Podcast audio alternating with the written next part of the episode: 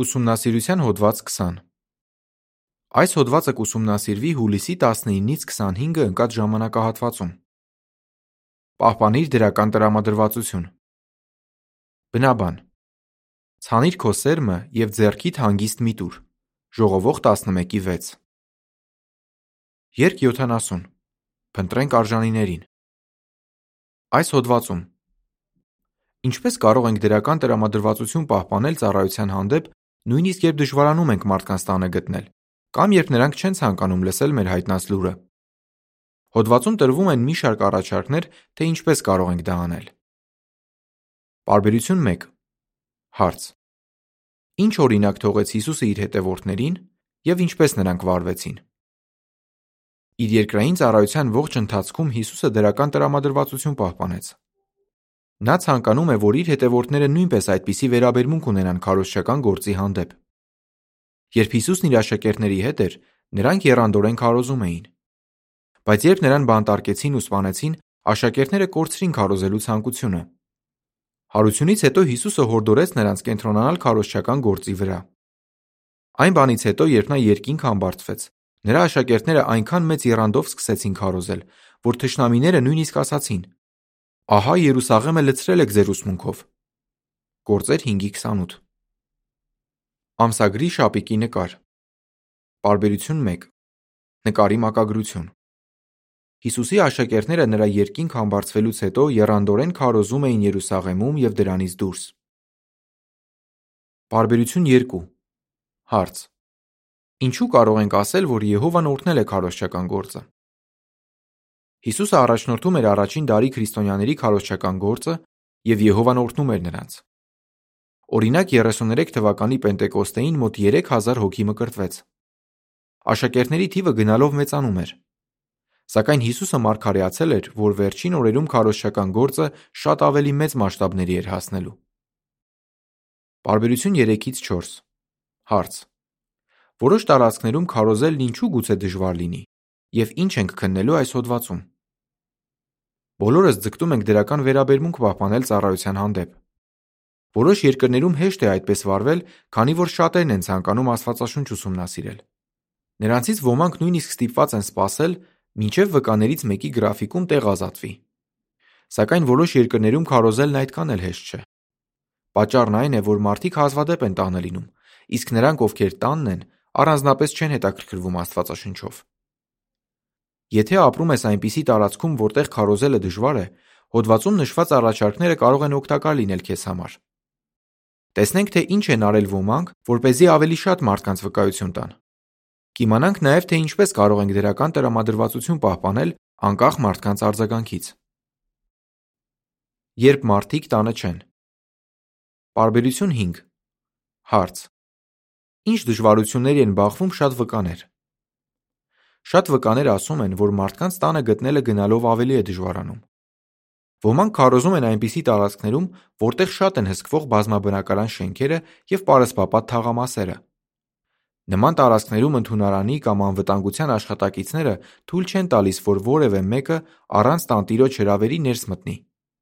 Շատ քարոզիչներ էլ կարողանում են առանց խոչընդոտի տնետուն քարոզել, սակայն քչերին են տանը գտնում։ Ուրիշներն էլ քարոզում են գյուղական կամ հեռավոր տարածքներում, որտեղ քիչ մարդ է ապրում։ Նրանք երկար ճանապարհ են կտրում անցնում, որպեսզի զրուցեն մեկի հետ, ով հնարավոր է անգամ տանը չլինի։ Բայց նման դժվարությունները չպետք է մեզ թևաթափ անեն։ Ինչպես կարող ենք հաղթահարել այս խոչընդոտները եւ ավելի շատ մարդկանց հետ զրուցել։ Պարբերություն 6 Հարց. Ինչ առումով են քարոզիչները նման ձկնորսների։ Հիսուսը քարոզչական գործը համեմատեց ձկնորսության հետ։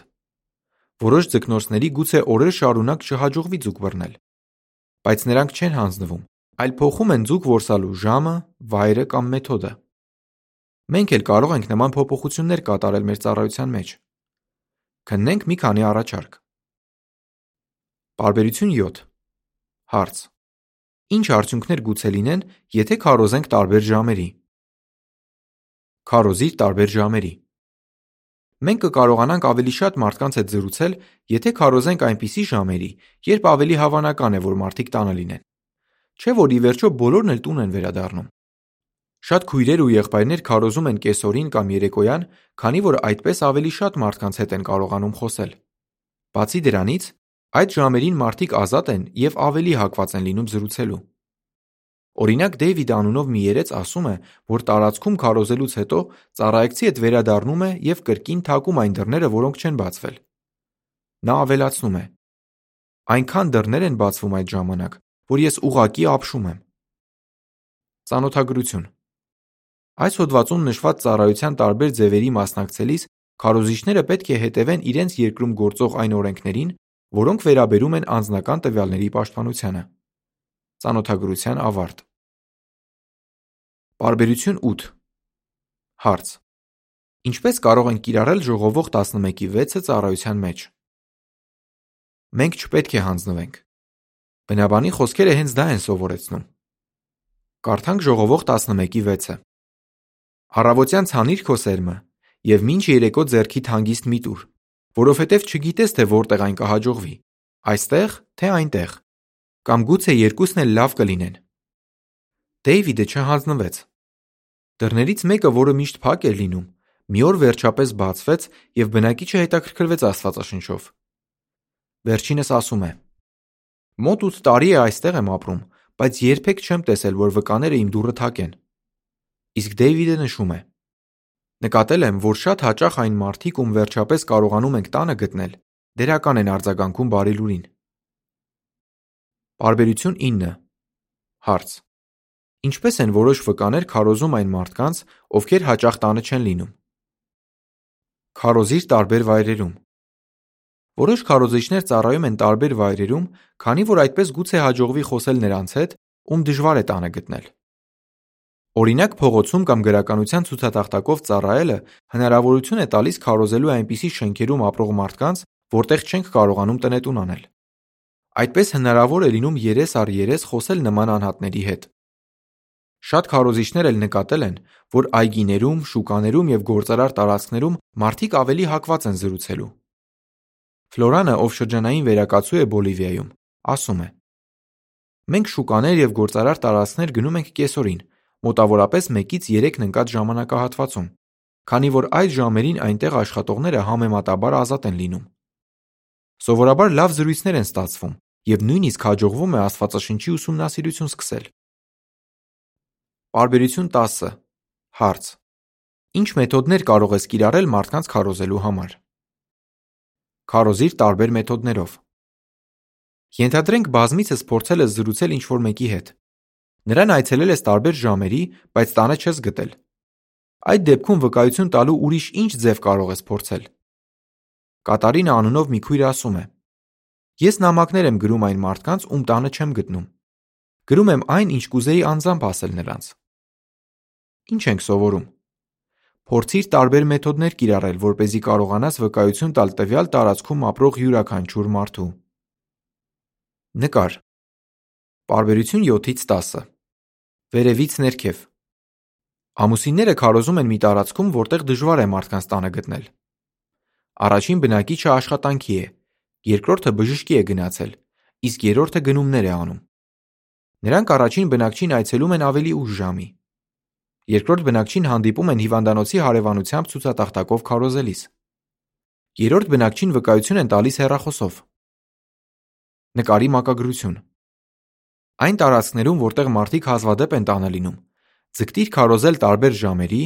տարբեր վայրերում եւ տարբեր մեթոդներով։ Երբ մարդիկ անտարբեր են։ Պարբերություն 11 Հարց. Ինչու են ոմանք անտարբեր մեր հայտնած լուրի հանդեպ։ Որոշ մարդիկ անտարբեր են մեր հայտնած լուրի հանդեպ։ Նրանք չեն զգում Աստծու կարիքը եւ չեն հետաքրքրվում Աստվածաշնչով։ Տեսնելով աշխարհում տիրող տառապանքը, նրանք կորցրել են հավատը Աստծու հանդեպ։ Այդ մարդիկ չեն վստահում Աստվածաշնչին, քանի որ տեսնում են կրոնական առաջնորդների կեղծավորությունը, ովքեր պնդում են, թե ապրում են Աստվածաշնչյան սկզբունքներով։ Ուրիշներն էլ տարված են իրենց աշխատանքով, ընտանիքով, անձնական խնդիրներով եւ չեն կարծում, որ Աստվածաշունչը կարող է օգնել իրենց։ Ինչպե՞ս կարող ենք պահպանել մեր ուրախությունը, երբ քարոզում ենք նման մարդկանց։ Պարբերություն 12 Հարց. Փիլիպեցիներ 2:4-ն ինչպես կարող է օգնել մեզ ծառայության մեջ։ Անհատական հետաքրքրություն ցույց տուր։ Շատերը, ովքեր սկզբում անտարբեր են եղել բարի լուրի հանդեպ, հետագայում լսել են այն, տեսնելով, որ քարոզիչը հետաքրքրված է իրենցով։ Կարդանք Փիլիպեցիներ 2:4-ը։ Ոչ միայն ձեր շահը փնտրեք, այլ նաև ուրիշներինը։ Դեյվիդը, ում մասին արդեն խոսեցինք, ասում է. Երբ ինչ-որ մեկն ասում է, որ իրեն չի հետաքրքրում կրոնը, ես մի կողմ եմ դնում Աստվածաշունչն ու մեր գրականությունը եւ հարցնում. Կներեք, իսկ կարո՞ղ եմ իմանալ պատճառը։ Մարդիկ զգում են, երբ անկեղծորեն հետաքրքրվում ենք իրենցով։ Նրանք գուցե չհիշեն մեր խոսքերը, բայց հավանաբար կհիշեն մեր վերաբերմունքը։ Անկամ եթե տանտերը թույլ չտա մեզ խոսել, մեր պահվածքով եւ դեմքի արտահայտությամբ կարող ենք ցույց տալ, որ հետաքրքրված ենք նրանով։ Բարբերություն 13 Հարց. Ինչպես կարող ենք բարի լուրի մատուցման ձևը հարմարեցնել բնակչի կարիքներին։ Անհատական հետաքրքրություն ցույց տված կլինենք, եթե բարի լուրի մատուցման ձևը հարմարեցնենք բնակչի կարիքներին ու հետաքրքրություններին։ Գուցե նկատես մի բան, ինչը կհուշի քեզ, որ այդ ընտանիքում երեխաներ կան։ Ծնողներին թերևս հետաքրքրի, թե ինչ է ասում Աստվածաշունչը երեխաների դաստիարակության ու երջանիկ ընտանեկան կյանք ունենալու մասին։ Կամ էլ գուցե դռան վրա մի քանի կողպեկ տեսնես և որոշես խոսել այն մասին, որ հանցագործության տարածված լինելու պատճառով մարդիկ այսօր ապրում են վախի մեջ։ Հետո կարող ես նշել, որ շուտով հանցագործություններին վերջ է դրվելու։ Լսելու պատրաստ մարդկանց օգնիր հասկանալ, որ աստվածաշնչյան խորհուրդները կարող են օգտակար լինել իրենց համար։ Կատարինան, ում մասին արդեն խոսեցինք, ասում է. Ինքս ինձ հիշեցնում եմ, թե ճշմարտությունը որքան է բարելավել կյանքս։ Դրա շնորհիվ քույրը համոզվածությամբ է խոսում, և նրան լսողները զգում են դա։ Պարբերություն 14 Հարց. Հաշվի առնելով առակներ 27-ի 17-ը, ծառայեկիցները ինչպե՞ս կարող են օգնել միմյանց։ Ընդունիր հավատակիցների օգնությունը։ Առաջին դարում Պողոսը քարոզելու եւ ուսուսանելու իր մեթոդները սովորեցրեց Տիմոթեոսին եւ հորդորեց, որ ինքն էլ իր հերթին դրանք սովորեցնի ուրիշներին։ Տիմոթեոսի պես մենք էլ կարող ենք օգուտներ քաղել մեր ժողովի հմուտ քարոզիչների փորձից։ Կարդանք Առակներ 27:17-ը։ Երկաթը երկաթով է սրվում։ Նմանապես մարդը սրում է ուրիշի երեսը։ Քննենք Շոնի օրինակը։ Որոշ ժամանակ նա ռավիրա էր ծառայում մի գյուղական տարածքում, որտեղ մարդիկ մեծամասամբ կարճած էին իրենց կրոնից։ Ինչ էր անում Շոնը, որ չկորցներ ուրախությունը։ Նա ասում է.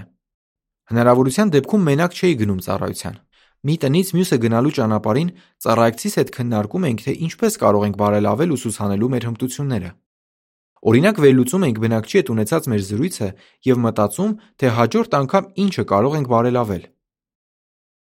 Բարբերություն 15 Հարց. Ինչու է աղոթքը կարևոր քարոզչական գործում։ Աղոթքով օգնություն խնդրիր Եհովայից։ Ամեն անգամ ծառայության գնալիս խնդրիր, որ Եհովան առաջնորդի քեզ։ Առանց նրա հզոր ոգու օգնության մենք ոչինչ չէինք կարողանա անել։ Աղոթելիս կոնկրետ բաներ նշիր։ Օրինակ, խնդրիր նրան, որ առաջնորդի քեզ այն մարդկանց մոտ, ովքեր կցանկանան լսել բարի լուրը։ Այնուհետև աղոթքիդ համաձայն գործիր եւ քարոզիր բոլոր նրանց, ում կհանդիպես։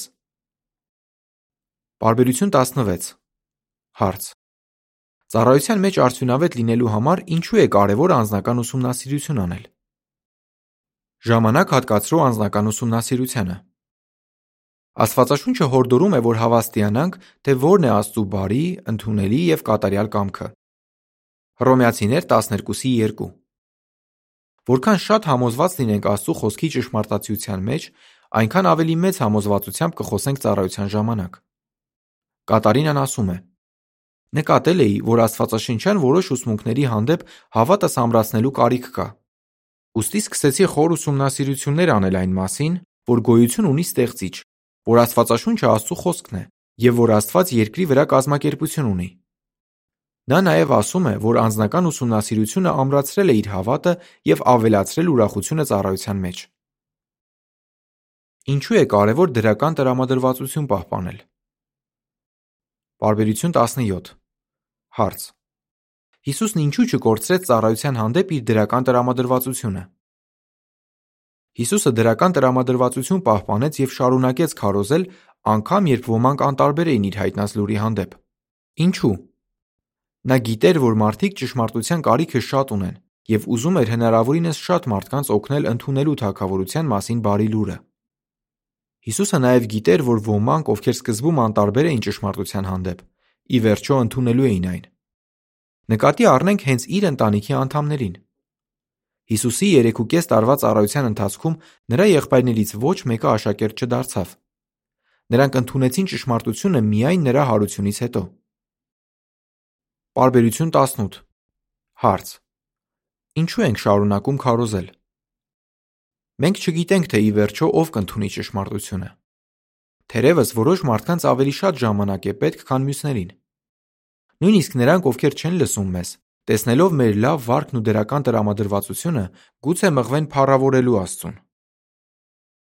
Պարբերություն 19 Հարց. Ինչ ենք սովորում առաջին Կորինթացիներ 3:6 եւ 7 համարներից։ Մինչ մենք տնկում ու ջրում ենք, պետք է հիշենք, որ Աստված է աճեցնում։ Կարդանք առաջին Կորինթացիներ 3:6-ը եւ 7-ը։ Ես տնկեցի, Ապողոսը ջրեց, բայց Աստված է, որ աճեցրեց։ Այնպես որ ոչ տնկողն է մի բան, ոչ էլ ջրողը, այլ Աստված, որ աճեցնում է։ Գատոհուն անունով մի եղբայր, ով ծառայում է Եթովպիայում, ասում է. Ես ապրում եմ հազվադեպ մշակվող մի տարածքում։ Ավելի քան 20 տարի շարունակ միակ վկան եմ եղել այստեղ։ Բայց այժմ 14 քարոզիչ կա, որոնցից 13-ը, այդ թվում կինս ու 3 երեխաներս, մկրտված են։ Միջին հաշվով հանդիպումներին ներկա է լինում 32 հոգի։ Եղբայրը շատ ուրախ է, որ չի դադարել քարոզել եւ համբերությամբ սպասել է, մինչ Եհովան անկեղծ սիրտ ունեցողներին կձգի դեպի իր կազմակերպություն։ Պարբերություն 20 Հարց. Ինչ առումով ենք նման փրկարարների։ Եհովայի համար բոլոր մարդկանց կյանքն էլ թանկ է։ Նա մեզ առանձնահատկորում է տվել համագործակցելու իր որդու հետ բոլոր ազգերից մարդկանց հավաքելու գործում, ինչ կգա վերջը։ Մեր քարոզչական գործը կարելի է նմանեցնել փրկարարական աշխատանքների։ Փրկարարների նման մենք փնտրում ենք հանքափորների, որոնք գետնի տակ արգելափակման մեջ են հայտնվել։ Գուցե փրկարարներից քչերը կենդանի մնացած հանքափորների գտնեն, բայց նրանցից յուրաքանչյուրի աշխատանքն էլ կարևոր է։ Նույնը կարող ենք ասել մեր ծառայության մասին։ Մենք չգիտենք, թե որքան մարդ կփրկվի սատանայի համակարգից, բայց Եհովան յուրաքանչյուրիս միջոցով կարող է օգնել մարդկանց։ Անդրեասը, ով ապրում է Բոլիվիայում, ասում է. Համատեղ ջանքերի շնորհիվ է, որ անհատը սովորում է սուրբգրային ճշմարտությունները եւ մկրտվում։ Եկեք մենք էլ դրական տրամադրվածություն պահպանենք ծառայության հանդեպ։ Եթե այդպես վարվենք, Եհովան կօրհնի մեզ, և մենք մեծ ուրախություն կստանանք մեր ծառայությունից։ Կրկնության հարցեր. Ինչ կպատասխանես։ Ինչը կօգնի մեզ քարոզել այն մարդկանց, ում դժվար է տանը գտնել։ Ինչպես կարող ենք օգնել նրանց, ովքեր սկզբում գուցե անտարբեր են բարի լուրի հանդեպ։ Ինչու է կարևոր դրական տրամադրվածություն պահպանել։ Երկ 66 Հրճակենք բարի լուրը։ Հոդվացի ավարտ։